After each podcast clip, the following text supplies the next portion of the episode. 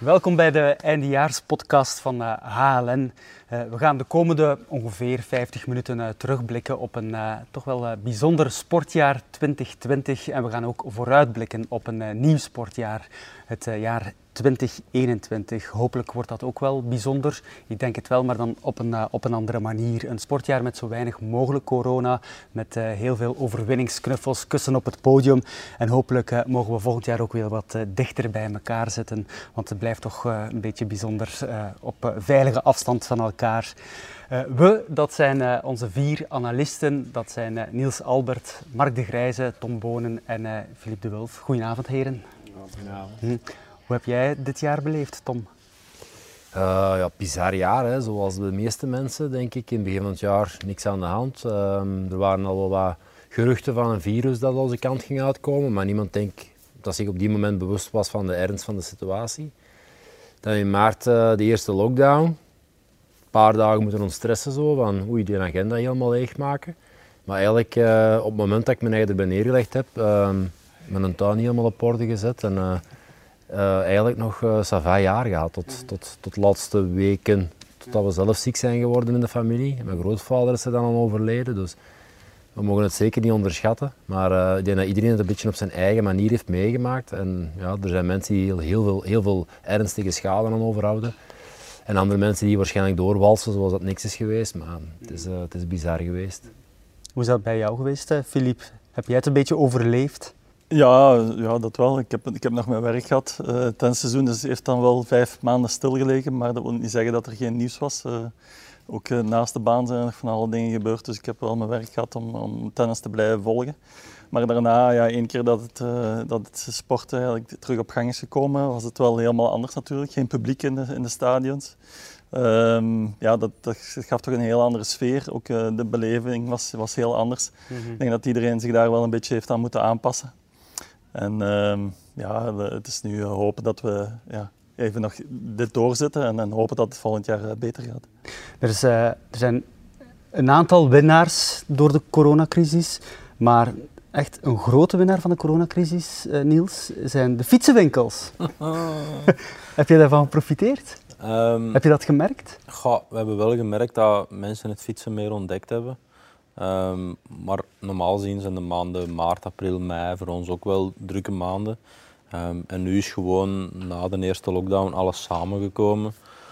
Waardoor het gewoon ontzettend druk was. Iedereen had drie, vier maanden met de fiets gereden, hun oude, knol van stal gehaald, zullen we zeggen, en we willen gaan fietsen. Um, en dat hebben we wel gemerkt. Dus we hebben geen, zeker geen, geen slecht jaar gehad, maar nu om te zeggen dat dit een succesjaar was.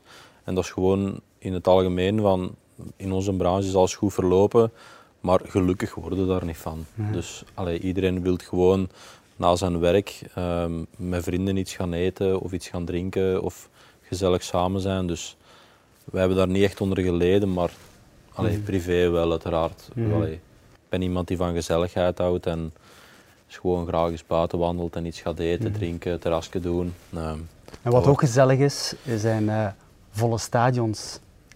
En die zijn er nu ook niet, Mark. Nee, nog altijd niet. Hoe heb jij dit jaar beleefd? Ja, ik, ik eh, ben uh, niet echt slachtoffer in die zin van ik heb veel kunnen werken. Uh, vanaf juli eigenlijk. Dus behalve van halverwege maart tot midden juni. Thuis gezeten, veel met de vrouw en de kinderen gedaan. cup gespeeld in de tuin, dat is een nieuw spelletje dat, dat ik ontdekt heb. En dat soort gezelschapsspelen.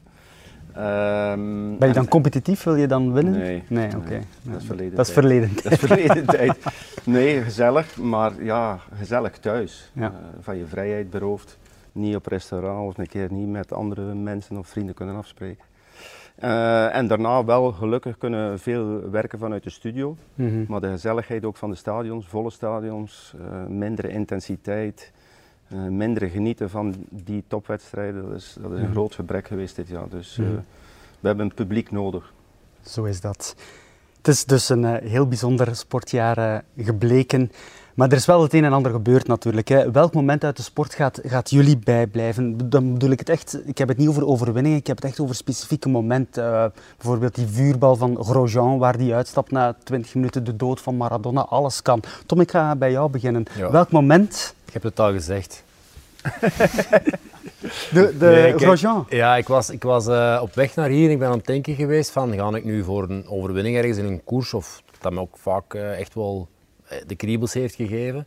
Maar ik was aan het kijken toen en ehm, dat was voor mij wel hetgeen wat mij het hardste is bijgebleven. Zo, die een impact en ik dacht echt van oké, dat is gedaan, dat is dood. Zeker met dat vuur erbij, dat duurde dan, dat duurde, dat duurde nog. Dat leek wel echt al twee minuten te zijn. Dat is echt gek. En dan in één keer kwam hij er zo een phoenix uit die vlammen nog terug uitgesprongen. Terwijl ik goed weet, als je daar op je hoofd ligt, je wist niet meer wat dat boven of onder was. Hè. Dus hij heeft alle kanten proberen uit te kruipen en dan uiteindelijk nog de goede kant gevonden. Ehm, ja, dat heeft me wel bijgebleven. Zo het, eh, het opzoeken van die limiet, dat dat soms ook wel tot de dood kan leiden. Ook in sport is dat spijtig genoeg nog eh, vaak genoeg aanwezig. Maar het was ook een voorbeeld denk ik, naar andere sporten toe, dat zelfs in zo'n fataal ongeluk, dat er nog gewoon iemand kan uitstappen met een paar verbrande vingers en klaar. En dat heeft te maken met de veiligheid, die dat toch al een aantal jaren heel hoog in het vaandel staat, waarbij ieder ongeval wordt onderzocht en dat er verbeteringen worden aangebracht aan de veiligheidscellen en zo. Daar kan de dus- koers een eh, voorbeeld aan, eh, aan Het is nemen, moeilijk om de twee te vergelijken, het is eigenlijk onmogelijk om de twee te vergelijken, maar ehm, het is wel een voorbeeldsport op dat gebied, ja. Mhm.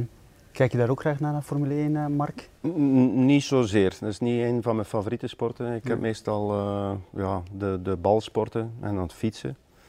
Maar dit moment ja, is wel uitzonderlijk eh, dramatisch. Ja. Je houdt wel van auto's, hè? Niels? Eh, ja, maar ik ben er niet zo kort bij als Tom. Nee. Ik zou het eerder ehm, een gelukkig moment aan kiezen, tegenovergesteld van Tom dan. Allee, ook gelukkig moment, maar jammer genoeg mijn accident. Ehm, maar ja, ik heb altijd kort bij Wout van Aert gestaan en ik vond ehm, zijn overwinning in Milan Sanremo is voor mij iets dat toch... Allee, gewoon puur omdat ik die jongen persoonlijk ook goed ken en na hetgeen dat hij verleden jaar heeft meegemaakt, na zo'n horrorcrash, zullen we zeggen, eh, in een Tour. Ehm, een jaar later eigenlijk sterker dan ooit eh, terug. Wie had dat gedacht? eh, Jij, Tom? Eh, ik had het gehoopt en gedacht, maar ik, ik heb dat toch al een paar keer gezegd. Je moet daar, op het moment dat je het denkt, moet je het nog niet zeggen. Want je moet die mens ook niet...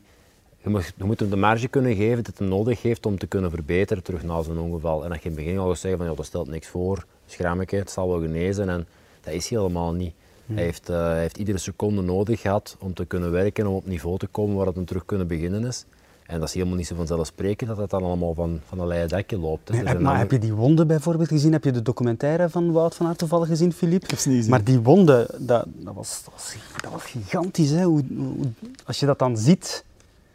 Gelukkig, gelukkig spieren, won, dat geneest nog goed, maar je vraagt je eigen altijd af op hoeveel procent van dat been heeft dat invloed. Hoe gaat die balans zijn? En ja, blijkbaar heeft hem dat, eh, heeft dat heel goed kunnen eh, opvatten of opvolgen. Mhm. Dus jouw moment Grosjean, jouw moment Wout van Aert, eigenlijk zijn wonderjaar, laten we het zo noemen. Mark de Grijze, wat is eh, jouw moment, sportmoment van het jaar? Ja, ik heb gekozen voor de 8-2 van eh Bayern München tegen Barcelona. Omdat eh, enerzijds ja, de kracht van, eh, van Bayern, die dus alles won. Alle wedstrijden in de Champions League, dus van eh, de kwalificatie, de zes groepswedstrijden tot de finale. Geen gelijkspel, elf keer gewonnen. En daar zat dan die 8-2 eh, overwinningen, eh, dus zeg maar de dominantie. En, en tegelijkertijd ja, Messi, die daar, ja, dus de beste speler van de laatste 15 jaar, misschien in de geschiedenis van het voetbal, die daar machteloos staat en die dan in de zomer zegt van ja, ik wil weg van Barcelona.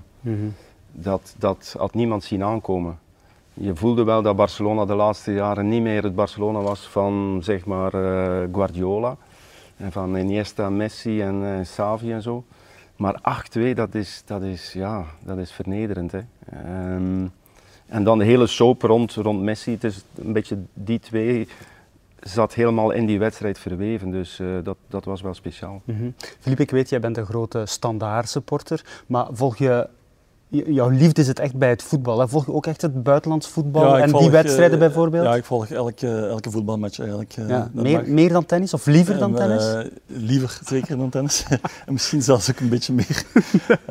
Ja, nu spreek ik wel tegen mijn eigen winkel, maar ja, dat is mijn passie voetbal en dat zal zo tot het einde van mijn dagen zo blijven waarschijnlijk. Oké, we kennen al drie momenten. Wat is jouw moment van Ja, ik het ben jaar? toch in mijn eigen branche gebleven. Ik, ik ga voor de, de disqualificatie van Novak Djokovic op de US Open in de vierde ronde. Ja. Eh, onwaarschijnlijk. Hij had alles gewonnen dit jaar. Hij was, hij was de grote favoriet om de titel te halen.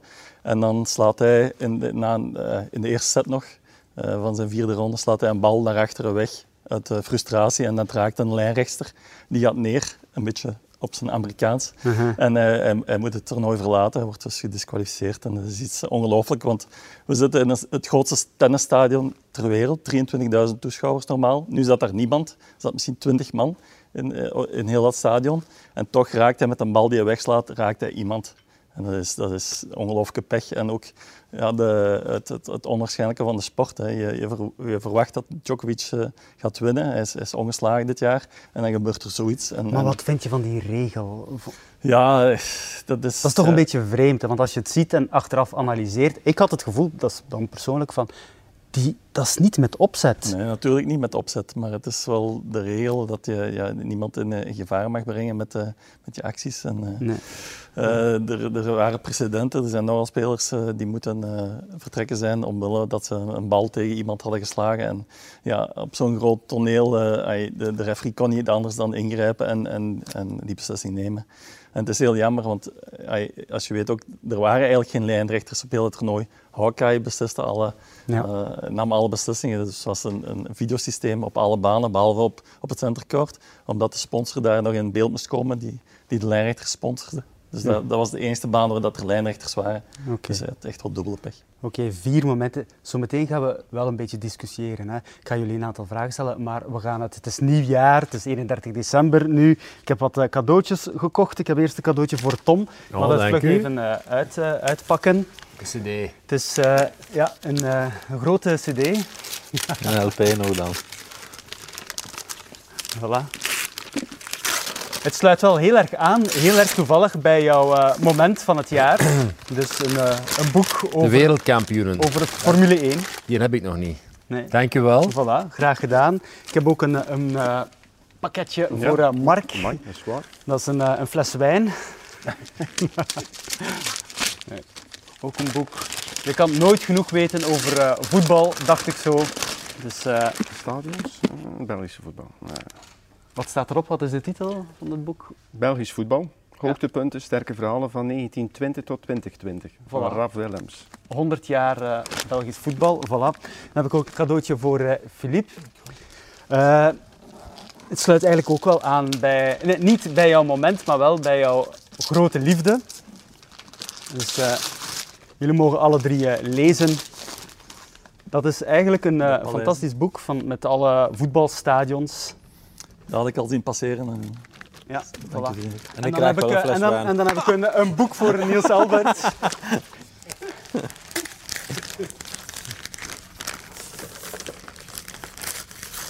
voilà, Niels. Dat is graag gedaan. Oh ja. Maar zit het er effectief ook in?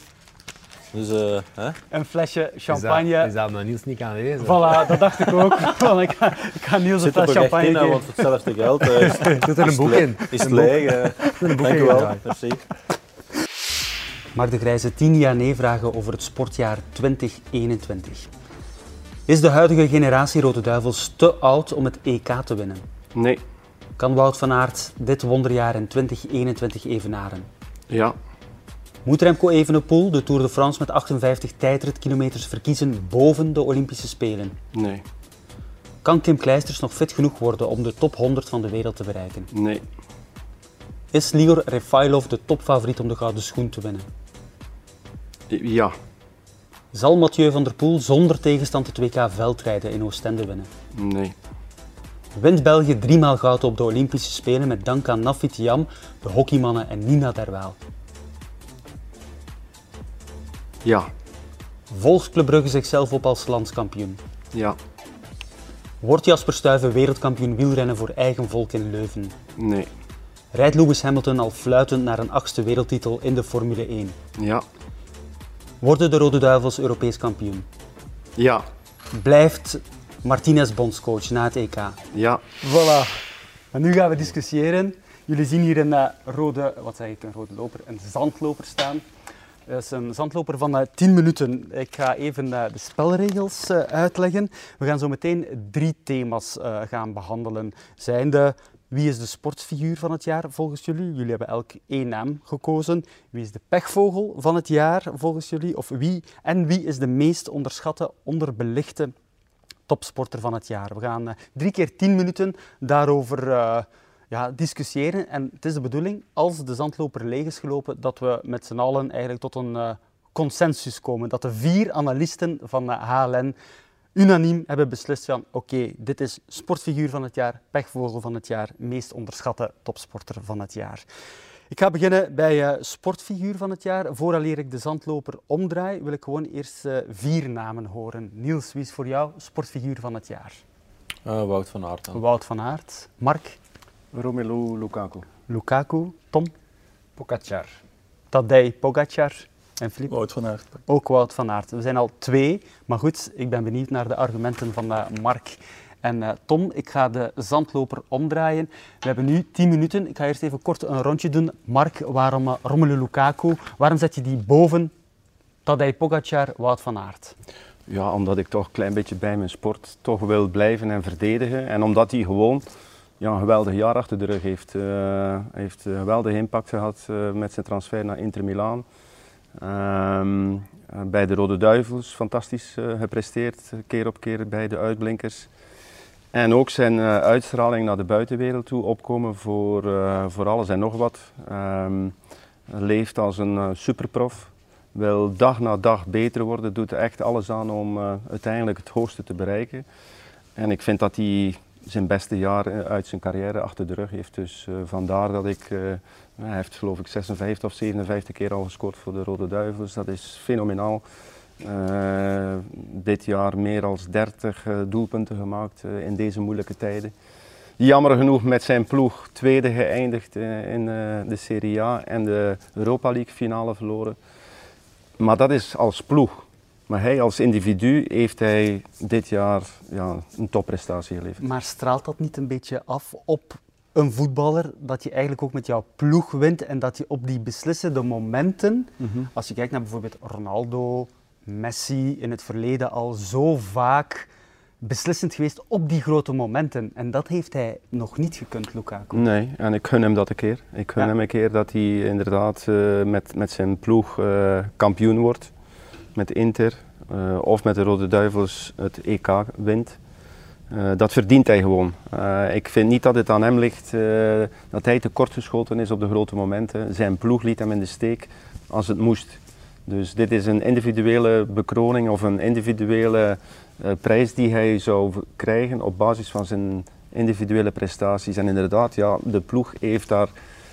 Maar ja, hij komt met Inter wel van ver. Ja. Hè, om dan meteen kampioen te worden in Juventus. En, en tegen Sevilla was hij zeer ongelukkig. Maar nee, hij was gewoon ja, geweldig. Hij was geweldig, maar als ik toch een beetje advocaat van de duivel ja. mag spelen, als, uh, als de ploeg Messi in de steek laat, dan heb ik in het verleden al vaak gezien dat Messi zegt, oké, okay, dan doe ik het zelf. En dan ga ik scoren en dan, dan scoort hij. Ja, en dat is naar mijn gevoel, heeft Lukaku nog niet gekund. Nee, maar je haalt nu Messi tegenover Lukaku, dat vind ik ook geen faire vergelijking. Nee, nee, en en uh, Messi is ook, uh, is ook nog niet met Argentinië wereldkampioen geworden. Nee. En toch werd, werd hij aanzien als de beste speler ter wereld. Ja. Uh, hij heeft gewoon pech, Lukaku, dat zijn ploeg net niet goed genoeg is om zijn ster die hij is, nog een beetje uit te vergroten. Oké. Okay. Tadej Pogacar, waarom hoger dan Wout van Aert en Romelu Lukaku, Tom? Um, Vooral de manier waarop. Hij is prof geworden. Hij heeft um, onmiddellijk laten zien dat hij een, een kandidaat toerwinnaar was. En uh, de snelheid waarmee hij dat gedaan heeft, dat zijn, uh, dat zijn zaken die enkel aan de allergrootste zijn weggegeven. De manier waarop hij de Ronde van Frankrijk gewonnen heeft ook. Dat sprak ook tot de verbeelding. Hij heeft eigenlijk altijd in een geslagen tweede positie gezeten, zo, met een team dat veel sterker was dan zijn eigen team. Hij heeft eigenlijk altijd, zeker in de beslissende fases van de wedstrijd, er dan meestal alleen voor gestaan. De ploeg was zeker niet zwak van hem, maar ze was er toch niet op de momenten dat er om toe deed. En dan tactisch eigenlijk een heel sterk staaltje afgestoken door daar toch nog te staan aan de, de avond van de tijdrit, de avond, vooravond van de tijdrit, om eigenlijk in slagorde te staan en die tijdrit nog te winnen en de Tour te winnen. Op die leeftijd niet veel gezien, ongezien eigenlijk. Mm -hmm. En dan kunnen zeggen, uh, Wout heeft een fantastisch seizoen gereden met enorme grote, mooie overwinningen. Maar ergens wisten we wel dat Wout kandidaat was om grote klassiekers gaan te ja. winnen. Maar ehm, wat dat Pogacar doet op de korte tijd die hem gegeven is, over drie weken in een Tour, schat ik net iets hoger in. En heeft hij de Tour gewonnen omdat hij zelf zo sterk was? Of ook omdat Team Jumbo-Visma van zijn grote tegenstander Roglic eigenlijk het tactisch niet zo heel goed gespeeld heeft? Ja, die hebben een tactiek gekozen dat ze eigenlijk altijd, hanteren. Dat is een tactiek die er de laatste jaren heel zwaar is ingeschoven. Dat is de tactiek Team Sky. Van we pakken gewoon keigoed kruis mee, de beste renners van de wereld. We zetten die op kop en we rijden een tempo dat niemand kan volgen. En dan schiet je met de drie, vier mannen over die meedoen voor het podium. Dat is een tactiek. Ehm, dat is niet spectaculair, maar dat is wel heel zwaar koersen zo, want er zijn geen openingen om andere, andere zaken te proberen. Mhm. Maar zelfs in die kleine window dat hij heeft gehad om dan toch nog te proberen Roglic te kloppen, heeft hij maar klaargespeeld. Dus hij heeft het verschil kunnen beperken tot eigenlijk, wat was het, een minuut 30 of een minuut 25 voor de, voor de tijdrit. Om dat dan om te buigen naar een voorsprong. Ja, het is, eh, het is iets wat ik nog nooit gezien heb in de moderne wielrennerij. Het is echt zoiets van vroeger, het verhaal dat je vroeger hoort over de grote mannen, Ja. als die de Ronde van Frankrijk reden. Toen kon dat nog en nu kan dat dus blijkbaar terug. Mhm. Wat was de rol van eh Alan Piper in de overwinning van eh Pogacar? Heel belangrijk. Ik denk dat Ellen, zeker op dit moment in de, in de carrière van uh, Pogacar, heel belangrijk is, omdat het ehm, geen prof is van 30, 35 jaar die dat voor de tiende of de vijftiende keer gaat doen. Die stond er voor de eerste keer, die had grote ogen. Die voelt op een bepaald moment van, ik kan met die mannen mee. En dan heb je iemand nodig dat je kalm houdt, die zegt van, rustig blijven, je moet niet winnen, tweede is goed. En dan eigenlijk een heel comfortabele renner aan de, aan de start van die tijdrit neerzetten. Met wel het idee in zijn achterhoofd van, als ik hier de tijdrit van mijn leven rijd, dan kan het zijn dat ik die tijdrit win. Maar daar ook niet echt een druk op leggen van, je moet hier die tijdrit winnen en je kunt dan misschien een Tour winnen. En dat is iets wat eh, Alan Piper zeker goed kan. Het is een, eh, een heel bekwaam figuur in de koers. Met echt een hart voor zijn renners. En hij is, er, hij is er ook echt voor de juiste redenen. Hij is er ook omdat hij daar wil zitten en niet omdat hij niks anders kan dan alleen dat maar doen. Maar en dat Grij- straalde wel op af. Maar de Grijze, de uitspraak voetbal is een spel, wielrennen is een sport. Wat, vind- wat vind je daarvan? Eh, nou ja, ik vind dat voetbal ook een sport is. Het, leg ik eruit wat, wat daar eh, de redenering achter is. Eh, ja, voetbal is een spel. Begrijp je dat mensen soms in de perceptie zeggen van ja, hey, coureurs dat zijn echte topsporters, voetballers minder. Nee, maar dat is appelen en peren vergelijken. Dat is een totaal andere sport. Eh, voetbal is explosiviteit, is iets meer veldrijden dan, eh, dan eh, zeg maar de grote koers. Of de- Maar is het leven van een voetballer makkelijker dan het leven van een wielrenner? ik zou dat niet zeggen. Wat denk jij, eh Filip? Maar, Jij zit in het tennis, dus je kan misschien een beetje van op ja, ik afstand. denk dat het leven van een voetballer makkelijker is dan het leven van een tennisser bijvoorbeeld. Omdat voor een voetballer wordt toch veel geregeld eh, vanuit de club. Eh, Een tennisser moet toch, eh, is individu- individueel, die moet zelf zijn, zijn bootjes doppen. Maar langs de andere kant moet je ook rekening houden met iedereen en moet je een goede ploeg rond je hebben om, om te kunnen excelleren. En, en, Hmm. en dat is ook wel eh, heel belangrijk. Mhm. Wat is jouw mening, Niels? Goh, ik denk dat elke sport op een bepaald niveau ehm, topsport is. Hè.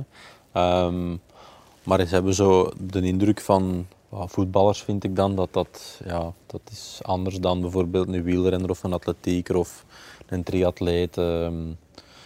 Maar ja, die zullen ook veel opofferingen moeten doen. Maar ja, het is, het is gewoon, zoals Mark zegt, je kunt niet vergelijken.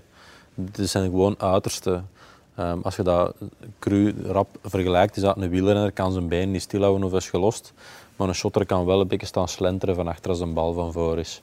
En allee, die moet wel aandachtig zijn, maar dat, zijn, allee, dat is totaal andere Val je sneller door de mand in een wielerwedstrijd dan in een voetbalwedstrijd? Kan je je makkelijker wegstoppen, Mark? Of is dat op het hoogste niveau Op, niet? op het hoogste niveau valt dat zeer op als je door de mand valt. Hoe hoger het niveau Ja. en eh, je kan niet mee, dan gaat iedereen dat echt wel zien. Mhm. Wat ik wel eh, mee akkoord ga, wat dat Filip zegt, is dat voor voetballers meestal alles zeer goed geregeld is. Ze worden in de watten gelegd en ze worden verwend. Ook het, eh, de, de cijfertjes die, die verdiend worden, geven reden om die redenering te, te volgen. Maar Het de is zeer sport, populistisch natuurlijk. hè, ja, ja, de sport op zich eh, onderschatten de mensen soms. Dat je als je drie wedstrijden op een week moet spelen en het mag maar anderhalf uur lijken, eh, maar dat is wel pittig. hè. Je moet de cijfers bekijken van de inspanningen. Dat is niet niks. Dat is natuurlijk geen zes uur op de fiets zitten, maar het is anderhalf uur wel intensief eh, sprintjes trekken. Dus nee, je mag het niet met elkaar vergelijken, maar over het algemeen moet ik toegeven dat wij als voetballer wel verwend worden. Mhm. Oké. Niels en Filip, allebei Wout van Aert. Vertel eens, waarom moet Wout van Aert de sportfiguur van het jaar genoemd worden? Boven Pogacar, die op 21-jarige leeftijd de Ronde van Frankrijk wint. Boven Romelu Lukaku, die een schitterend seizoen heeft uh, gespeeld. Bij mij was het meer het idee, gewoon het totaalconcept van waar hij kwam tot naar wat hij gegaan is. Hè. Um, maar er zijn nog, allee, zoals Tom zegt, er zijn nog heel leuke en mooie topsportmomenten geweest. Maar bij mij was het gewoon van, ja, van, van mijn krukken en een rolstoel tot 9 à 10 maanden later toch terug een toprenner zijn. En het is altijd van, ja, gaat hem terugkomen, gaat hem niet terugkomen. Het was gewoon de evolutie. Het is eigenlijk bijna een sprookje, hè? een Hollywood-verhaal. Je zou het zo kunnen uh, verfilmen. Ja.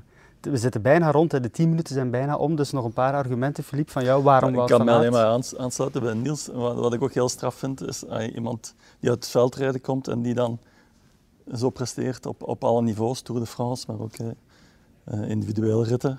Um, ja, ik, ik heb niet veel met wielrennen, maar hij is wel een naam die altijd naar voren is gekomen. En uh, mm -hmm. ik vind het toch wel heel straf wat hij gepresteerd heeft. Oké. Okay. Welke naam gaan jullie... Uh... Ik, ik, leg me neer bij Wout van Aert, omdat ik ook wel vind dat dit uh, seizoen geweldig geweest is. Um, dat nog net iets mooier kunnen zijn als die de, de Ronde, van, van Vlaanderen, Vlaanderen had gewonnen. Ja.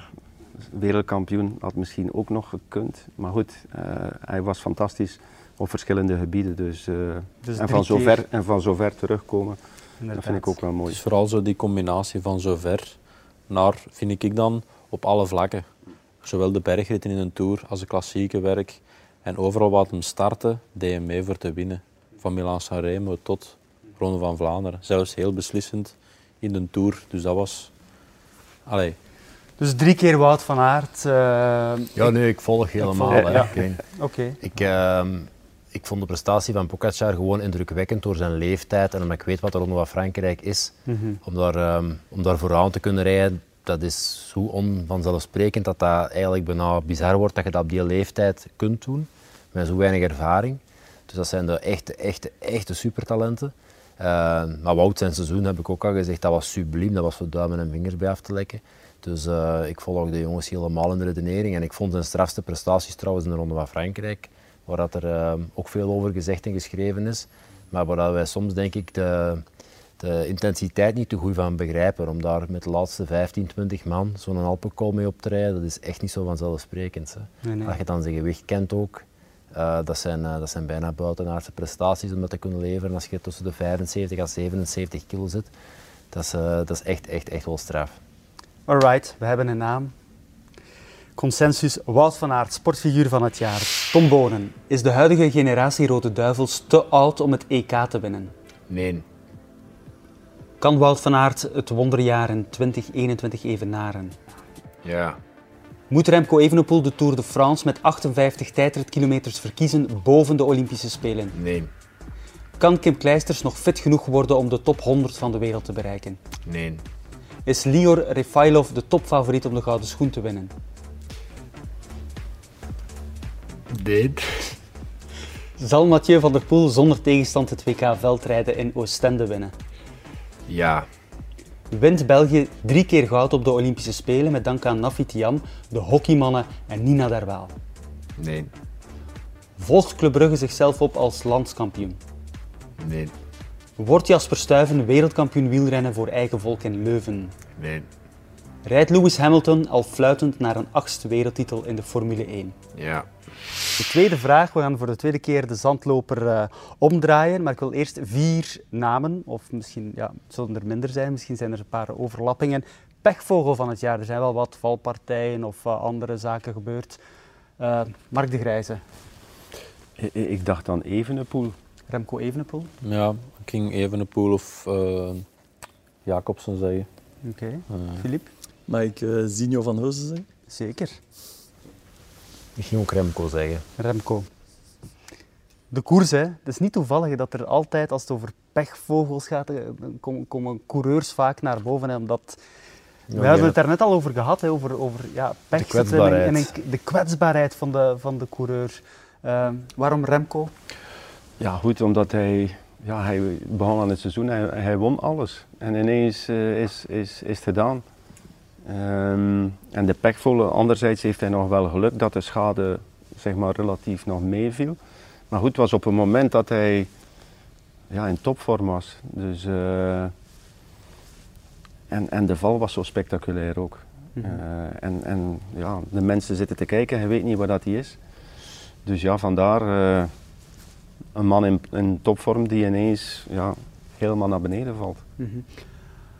Was de druk van Nibali te groot voor hem? Spreekt daar dan het gebrek aan ervaring nog op dat moment? De druk van Nibali was wat hij was. Het is, het is aan hem om te beslissen uh, of dat hij te groot is. Dan moet, hem, dan moet hem zich laten lossen of een gat laten vallen. Misschien was zijn wil om, uh, om te kunnen volgen in die afdaling net iets te groot dan, uh, dan zijn kunde nog op deze moment. Ik weet het niet, ik was er niet bij, ik zat niet op de fiets. Uh, maar ik denk dat er al heel veel over gezegd en geschreven geweest is. Maar ja, het is, soms is het ook gewoon een, een steentje of een stom stukje gras op straat ligt, dat is voldoende als je op de limiet zit. Hè. Als je op 100% van de mogelijkheden van die een tube zit en er gebeurt iets en je hebt een klein correctiemomentje en die muur is daar, dan gaat er gewoon over. Dan heeft dat niks te maken met een druk van Nibali of dat zijn gewoon ook soms omstandigheden die dat je niet in de hand hebt. Um, maar ik denk dat dat vooral uh, een, een, moment is geweest waar we achteraf ook nog moeten bij, bij, aan vasthouden. Er zijn heel veel coureurs geweest die dat soms niet tot, tot bij de profs geraakt zijn, die zoiets meemaken en hun carrière gewoon gefnuikt zien uh, voor de rest van hun dagen. Hè. Dus dat, is, dat, wordt altijd redelijk normaal over gedaan als iemand terugkomt na een valpartij van oké, okay, hij heeft een blessure gehad, over drie maanden zijn het terug sava. Er zijn mannen bij die nooit terugkomen, er zijn ook mannen bij die nooit terugkomen op niveau. Dus het zijn soms heel kleine zaken die een carrière kunnen, kunnen volledig kraken. Maar het was ook wel bijna gedaan hè, voor ja, Remco Evenepoel. Ja, denk dat nog wel mee... Ja, het, het, had erger kunnen zijn. Dat kun je altijd zeggen. Hè. Dat kun bij iedere valpartij zeggen. Dat had, erger kunnen zijn. Dat was nu niet. Maar gewoon ook zo, bij zo, dat was nu echt zo in your face. En jonge gast, uitermate toptalent. Iedereen hoge verwachtingen. Als de volgende toerwinnaar staat klaar. En dan over een, uh, over een betonnen murken. En hetzelfde geld was dat, was dat weg geweest. Was dat gedaan geweest. En dan laat toch weer zien hoe, dat, hoe fragiel alles is in de sport. En dat er heel veel hoge verwachtingen kunnen zijn, maar dat het altijd nog moet gedaan worden. Mm -hmm. Ik had nu toch verwacht, Filip, dat jij zou zeggen Kim Kleisters. Haar grote comeback. Uh, het jaar van de comeback van Kim Kleisters. Maar, uh, ja, ik, ik, had altijd een beetje voorbehoud bij die comeback, uh, bij de comeback van Kim Beck. Nooit in geloofd?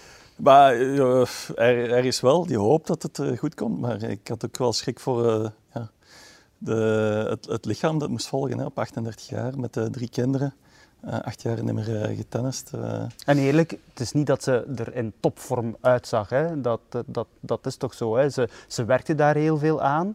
Ja, nog maar altijd. Ja, ook, maar... ook, ook, in de voorbereiding ook, last gehad van blessures, waardoor dat, ja, ze niet uh, topfit aan de start geraakt. Want dat is wel anders bij bijvoorbeeld iemand als een Tom Bonen. Hoe fit zie jij er nog uit? Jij traint nog altijd heel veel. Ik, ik, uh... ik zal ik gaan tennissen dan.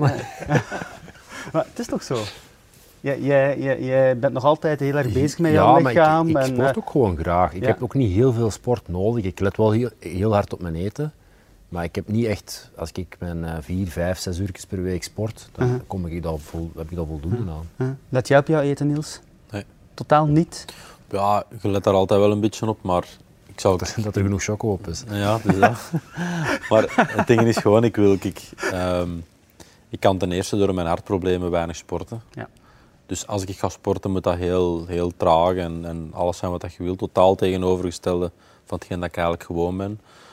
Plus daarbij komstig dan nog eens moet ik uh, uh, ja, uh, beta-blokkers inpakken. Ah, ja. Dus het plezier in sporten is eigenlijk wel weg op dit hmm. moment. Maar mis je dat? Uh, ja, die adrenaline miste wel zo'n beetje. En zeker omdat um, je zelf niet gekozen hebt om te stoppen, zie je? Mm -hmm. En dat zou, bij wijze van spreken, met twee valpartijen dat ik in, in dat pechmoment eigenlijk aanhaal, zouden ook twee valpartijen kunnen geweest zijn waar de persoon in kwestie zelf niet kiest om te stoppen. En dan blijft dat wel wat hangen zo, na je carrière of allee, na het stoppen. -hmm. Heeft dat nog lang in jouw systeem gezeten? Of als je daar nu aan terugdenkt, aan, ik herinner mij die persconferentie van jezelf, van toen je daar eigenlijk ja, in tranen moest zeggen van kijk, um, mijn carrière zit erop. Blij, komt dat soms naar boven nog? Uh, ja, dus, allee, rond, altijd rond 14 mei. Hè. zal altijd een periode blijven waar ik daaraan terugdenk. Um, dat dat een dag is waar ik gestopt ben, officieel dan als wielrenner. Um, Maar goh, ja, ik heb daar heel lang mee gezeten. En vooral dan, in die zin dan voor mij dan, uh, het veranderen van, van, van uzelf als persoon. En ehm, ik heb eigenlijk zo'n beetje de rust gevonden met de komst van mijn dochter. Ik heb altijd zo het idee gehad van oh, werken en terug carrière opbouwen en zaken doen en altijd maar bezig, rush, rush, rush. En alles aanpakken hetgeen dat binnenkomt. Maar tot op een gegeven moment zegt, je, zegt uw kop mentaal van het is goed geweest, ik wil zondag thuis zijn, ik wil een beetje met de stadsfiets gaan rondrijden, dochter van achter in de stoel en ik zie het wel. En dat stadion heb ik nu bereikt. Ik wil gewoon een goed leven hebben en ik kom niks tekort, ik ga ook niet klagen, daar gaat het niet over. Maar die must om, om nog een beetje meer en nog een beetje meer, dat is echt weg. Dat heb ik niet meer. Ik wil meer, meer genieten van het leven. We zitten nog altijd in uh, het thema ja, pekvogel uh... van het jaar. Maar nee, nee, ik vind het zeer interessant. Het kadert er eigenlijk ook wel in. Je hebt ook wel pek gehad. Hè. Uh, maar ik heb Zino van Heusden ook gehoord.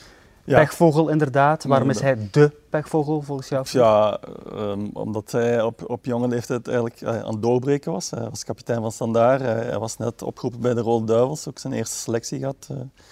En uh, ja, dan opnieuw een kruisbandblessure. Hè. En, opnieuw? Ja, dat is, dat is al de tweede, denk ik. En, ja, dat, dat, dat, is, ja, dat is nefast voor, voor zo'n jongen op zo'n op zo'n jonge leeftijd. Is dat niet vast, Mark? Jij kan dat misschien beter inschatten. Wordt dat um, altijd... Het helpt niet. Het de Achillespees van Zino van Heusden? Bah, uh, knieën zijn nog relatief uh, goed te behandelen. Um, ik zit meteen een klein beetje te denken aan onze vriend Eden Hazard. Uh, dat is ook een beetje een pechvogel met zijn enkel en andere blessures die erbij komen. Ik denk met die knie, dat kun je ook nog wel goed van terugkomen. Maar enkel ligt gevoeliger. Uh, er hangen veel andere dingen daaraan vast. En voor een voetballer is dat toch uh, delicaat. Dus Van Heusden is ook nog jong, dus die zal nog wel misschien sterker terugkomen. Maar met Hazard zitten we toch in de zorgen. Mm -hmm. Dus ik zou, Hazard mag ook bij de pechvogel van het jaar komen. Wat is eigenlijk voor een voetballer de ergste blessure? Is de enkel toch een van de ergste blessures? Enkel is, is moeilijk. Van Basten destijds was ook uh, zijn enkel en die is er ook niet, die is ook blijven opereren en zoeken en uh, uiteindelijk daardoor moeten stoppen. Knieën, nogmaals, uh, de kruisbanden en, en, en dat zelfs twee keer, daar komen ze van terug. Ehm, beenbreuken ook, dat kunnen ze tegenwoordig ook. Natuurlijk, als het echt een gecompliceerde beenbreuk is, ligt het moeilijker. Maar enkel is, is een eh, delicaat onderdeel van het lichaam voor een voetballer, ja. Mm -hmm. Maar het ziet er dus niet zo goed uit volgens jou? Uh, ja, voor nee, ik, ik hoop van wel, ik hoop van wel, maar ja. um, uh, algemeen bekeken, voor Standaard was hij een heel belangrijk pion. Hij was net aan het doorbreken bij de Rode Duivels. Ja, hij zou terug naar Inter Milaan gaan en zo. Is dat echt aan het begin van, van een grote carrière volgens mij, want ik, heb hem, ik zat hem heel hoog in als voetballer. En ja, dan is dat toch wel redelijk pijnlijk dat je weer een seizoen uh, uh, en dat, dat maakt het zonder publiek nog erger, dat je hoorde hoe dat die, mm. welke pijn ja, dat hij leed. Dat, dat, dat, was echt... Uh, ging door merg en benen. Ja. Mm -hmm. Dat was een dramatisch. mij een beetje denken aan de schreef van Alaphilippe nadat hij, door, nadat hij op een motaar is gebotst in de Ronde van Vlaanderen. Was, die was ook heel hard aan het schreeuwen. En je hoorde dat ook heel erg uh, op de televisie. Dat is wat we eigenlijk dit jaar ook wel vaak gehoord hebben. Hè. Je hoort alles, hè. Bij, bij wijze van spreken, nu we het over de koers hebben. Wat is de ergste blessure voor een coureur, Tom? Sterven. Sterven. Ja, maar dat is geen blessure. Hè? Nee, nee, maar dat is het ergste. Wat ik bedoel, een blessure, dat hangt ervan af. Hè. Ik, heb, ik heb zelf een schedelbreuk gehad, ah, ja. uh, met, een, met een.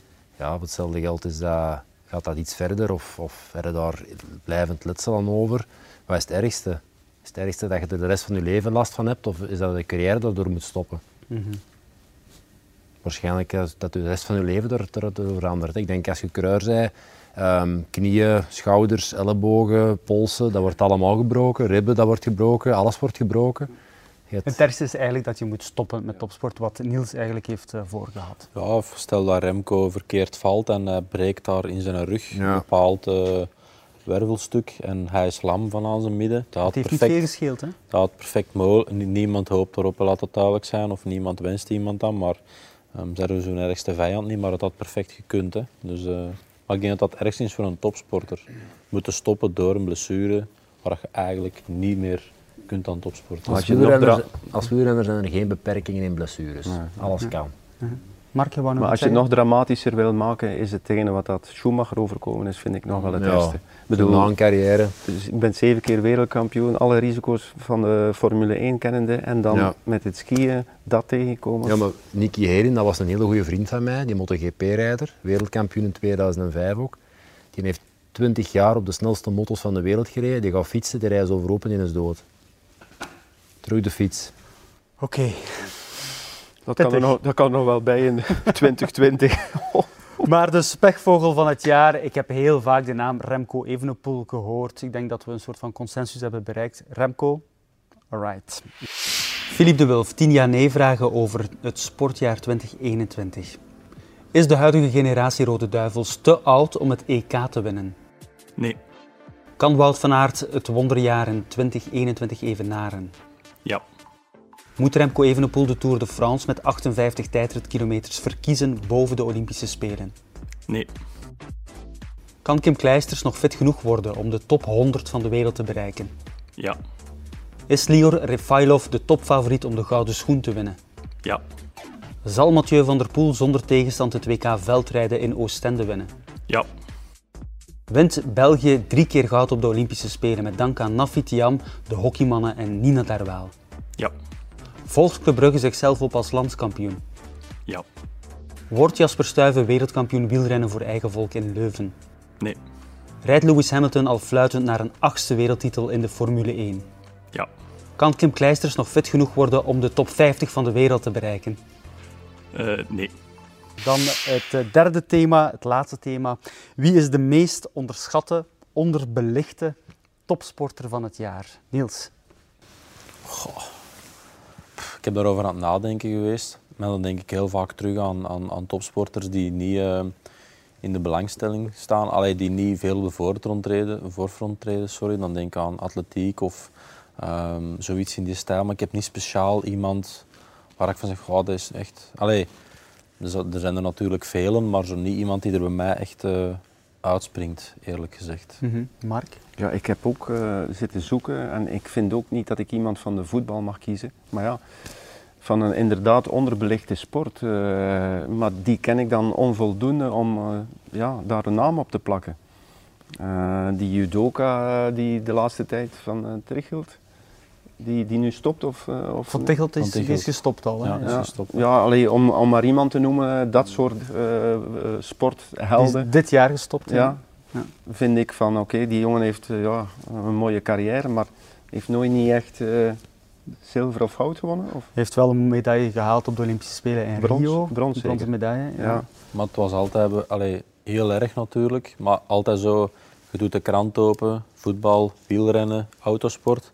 En dan zo daaronder rechts, zo, ah, hè, zo, snap je? Tenzij het een prestatie was op de Olympische Spelen of het een of het ander, maar Je moet columns beginnen schrijven voor, over het hè, Niels? nee, dat, dat, zeg ik niet, daar ben ik niet genoeg in thuis. Maar ik wil maar zeggen, er zijn veel, denk ik, allee, ik denk dat we dat allemaal wel hebben, dat er veel allee, sporten zijn die niet op de voorgrond treden en waar we echt wel toppers in hebben. Gaat het te veel alleen over voetbal en koers of is dat normaal? Het is wat dat de mensen willen. Maar ik, onderdeel van die voetbalwereld, zou willen eh, meer aandacht geven aan de, de sporten die, die onderbelicht worden. Die, die ook daarvoor financieel minder beloond worden. Die misschien even hard moeten trainen als, als de wielrenners en de tennissers en de voetballers. Maar die dus puur voor de, voor de sport leven. En dan heb ik het over de, de, de sporters die naar de Olympische Spelen gaan. In de kleinere sport, de, de zeilers, zeilsters, judoka, noem ze allemaal maar op. Daar heb ik echt heel veel respect voor en, en verdienen wat meer aandacht. Maar één naam is, zou ik niet kunnen opplakken. Al, al die hele groep. Mhm. Tom?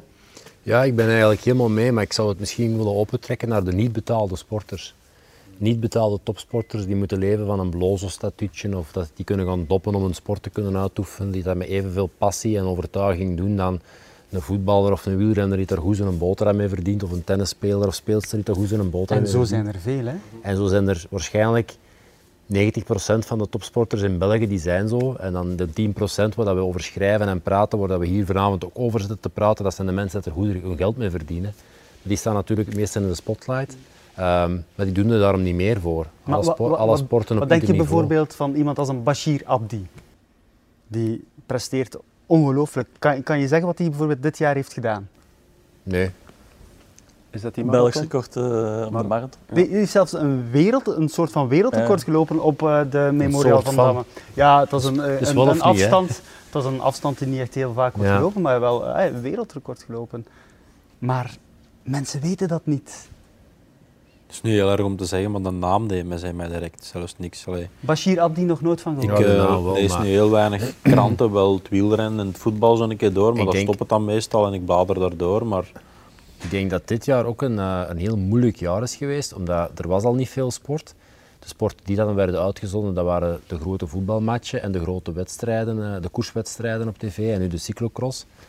Maar vooral de rest, ja, ga je geen crew sturen om daar een, eh, een wedstrijd eh, volledig eh, in te blikken. Als er geen publiek staat van mensen dat niemand kent, dat wordt niet gedaan. Dus al die sporten die net onder dat niveau staan en die er ver onder staan, helemaal niet, die hebben dit jaar geen aandacht gehad. Nul. Van niks of niemand niet. Maar dat zijn ook allemaal topatleten. Hè. Het zijn ook allemaal mensen die 100% leven voor hun sport en die er vol voor gaan. En die, ehm, die vaak wel meer aandacht verdienen dan dat ze nu krijgen. Denk bijvoorbeeld aan grote Olympische sport, is het zwemmen. Oké, mensen kennen Pieter Timmers. Maar dan vanaf het niveau van bijvoorbeeld Fanny Lecluze en, en al die namen, die race namen, toch ook wel eh, die naar de Olympische Spelen gaan. Worden die te veel onderbelicht? Die liggen wel elke dag om vijf uur in het zwembad. Ja. Ja, de, zij hebben een nadeel, wa- waar kijken we naar uit? Naar de Olympische Spelen. Om de vier jaar. EK, WK misschien ook nog wel. Maar dat is al minder, hè? Dat is al minder. Maar dat komt door, eh, door, door de pers. Ja. Die, die Dat is daar- allemaal de schuld van de pers. ja, Maar dan ook weer van de mensen die ja, tuurlijk. Alleen mensen, maar hè. wielrennen en voetbal willen zien en Tuurlijk. lezen. tuurlijk. Als er geen vraag naar is, dan Nee. wordt het ook niet Het is dat. uitgezonden of ingeblikt of wordt er Maar geen verslag van gemaakt. Hoe komt het dat het veldrijden destijds zo groot is geworden? Dat is dan ook de schuld van de media. Hè? Ik denk dat dat door de biertenten komt. Ook. Maar ook wat dat de mensen willen, inderdaad. Eh, De mensen, eh, ja, dat, dat trekt de mensen aan. Mhm. Die gaan liever naar een eh, veldritwedstrijd dan naar, naar eh, het zwembad gaan kijken als ze 200 meter moeten zwemmen. En succes ook wel verkoopt. Hè. Kijk naar de Belgische hockeymannen. Hockey was een sport die Ja. onbekend was tot vijf jaar terug. En nu dat die, die zo eh, hoge top scheren, is het toch wel veel bekender geworden in België. Dat is waar, dat is veel bekender. Maar ik was bijvoorbeeld vorig jaar op het EK. Ze worden Europees kampioen. Hier in eigen land. Het is niet dat dat stadionnetje vol zat. Dus dat is dan toch ook weer relatief. Ja, daar, ja, daarvoor is de sport misschien toch nog iets te klein, ik weet het niet. Mhm. Wat was jouw eh, keuze? Eh, ja, ik zal toch misschien nog een naam noemen, Dimitri van den Berg. Ah, onze darter. Ja. Eh, ja, totaal on, on- onderbelichte sport waarschijnlijk. Eh, ook ja, de vraag, is, is het een sport? Er wordt vaak, genoemd, vaak gezegd dat het een café-sport is. Maar langs de andere kant, allee, ik kan me voorstellen dat er wel enige druk op zit als je zo eh, naar een dartsbord moet gooien. En, Maar is het een sport? Vind je het een sport? ja, qua focus en qua... allee, het is een, het is een spel. Hier zou ik toch meer zeggen dat dit een spel is dan eh, voetbal. Want ik hoor dat die mannen eigenlijk altijd in een, een, bepaalde staat van dronkenschap aan het... eh, nee, echt. Dat die, dat die op een bepaalde manier zoveel alcohol in hun lijf moeten hebben, dat ze eigenlijk de pijl... En dat is, dat is dan weer moeilijk Dat om ze- dat juist goed te krijgen. Ja, nee, blijkbaar, blijkbaar weten ze hoeveel ze moeten drinken om eigenlijk de focus te behouden, om relaxed te zijn. Dus, Training. eh, Dat is ook training dan. Dat is eigenlijk doping. Hè. Ja. Dat mag eigenlijk niet. Hè. Ja. Met, met snoeker mag dat eigenlijk, met biljarten ook niet. Hè. Ze doen Nee. dat ook soms om geen trillende handen te hebben. Ja. Mag niet, hè. Dus, maar biljarten is wel meer een sport? Of... Dat is toch meer een spel dan voetbal. Ja. Stijn, Ja. eh, darts en, en, en, en biljarten is toch meer spel dan voetbal. Ja. Maar mocht hier Wesley Sonk zitten, die zou dat niet zeggen. Ja, maar ja, Wesley is, eh, is opgegroeid in een café, hij is opgegroeid met al dat soort spelletjes. Dus eh, dat, hij is daar een meester in. Nou ja, Mhm. goed. Mhm. Oké, Dimitri van den Berg. Maar eigenlijk, consensus is eerder de sporter in het algemeen die er alles voor doet, ook echt topsportprestaties levert, maar eigenlijk voor de rest het vooral voor zichzelf moet doen, voor zijn familie en zijn vrienden. Dat is een beetje... Klopt. Oké, dat is uh, heel duidelijk. Niels Albert, is de huidige generatie Rode Duivels te oud om het EK te winnen? Nee. Kan Wout van Aert het wonderjaar in 2021 evenaren? Ja. Moet Remco Evenepoel de Tour de France met 58 tijdritkilometers verkiezen boven de Olympische Spelen? Nee. Kan Kim Kleisters nog fit genoeg worden om de top 100 van de wereld te bereiken? Top 100? Ja. Is Lior Refailov de topfavoriet om de gouden schoen te winnen? Ja. Zal Mathieu van der Poel zonder tegenstand het WK veldrijden in Oostende winnen? Zonder tegenstand? Nee. Wint België driemaal goud op de Olympische Spelen met dank aan Nafi Tiam, de hockeymannen en Nina Darwaal? Nee. Volgt Club Brugge zichzelf op als landskampioen? Ja. Wordt Jasper Stuyven wereldkampioen wielrennen voor eigen volk in Leuven? Nee. Rijdt Lewis Hamilton al fluitend naar een achtste wereldtitel in de Formule 1? Ja. Pechvogel, Remco Evenepoel en sportfiguur van het jaar is Wout van Aert. Dus dat is uh, heel duidelijk. Het is uh, niet simpel om uh, sporten te vergelijken, maar ik denk dat we eigenlijk alles behandeld hebben. Heren, sportjaar 2020 is het erop. Dank u wel. We kijken uit naar een nieuw jaar met heel veel analyses van jullie op een gezond en sportief 2021. Ontdek hoe onze journalisten wikken en wegen. Lees nu het laatste nieuws, elke dag digitaal en in het weekend ook op papier, voor maar 14 euro per maand. Ga naar hln.be-ontdek. Het laatste nieuws, in het hoofd, in het hart.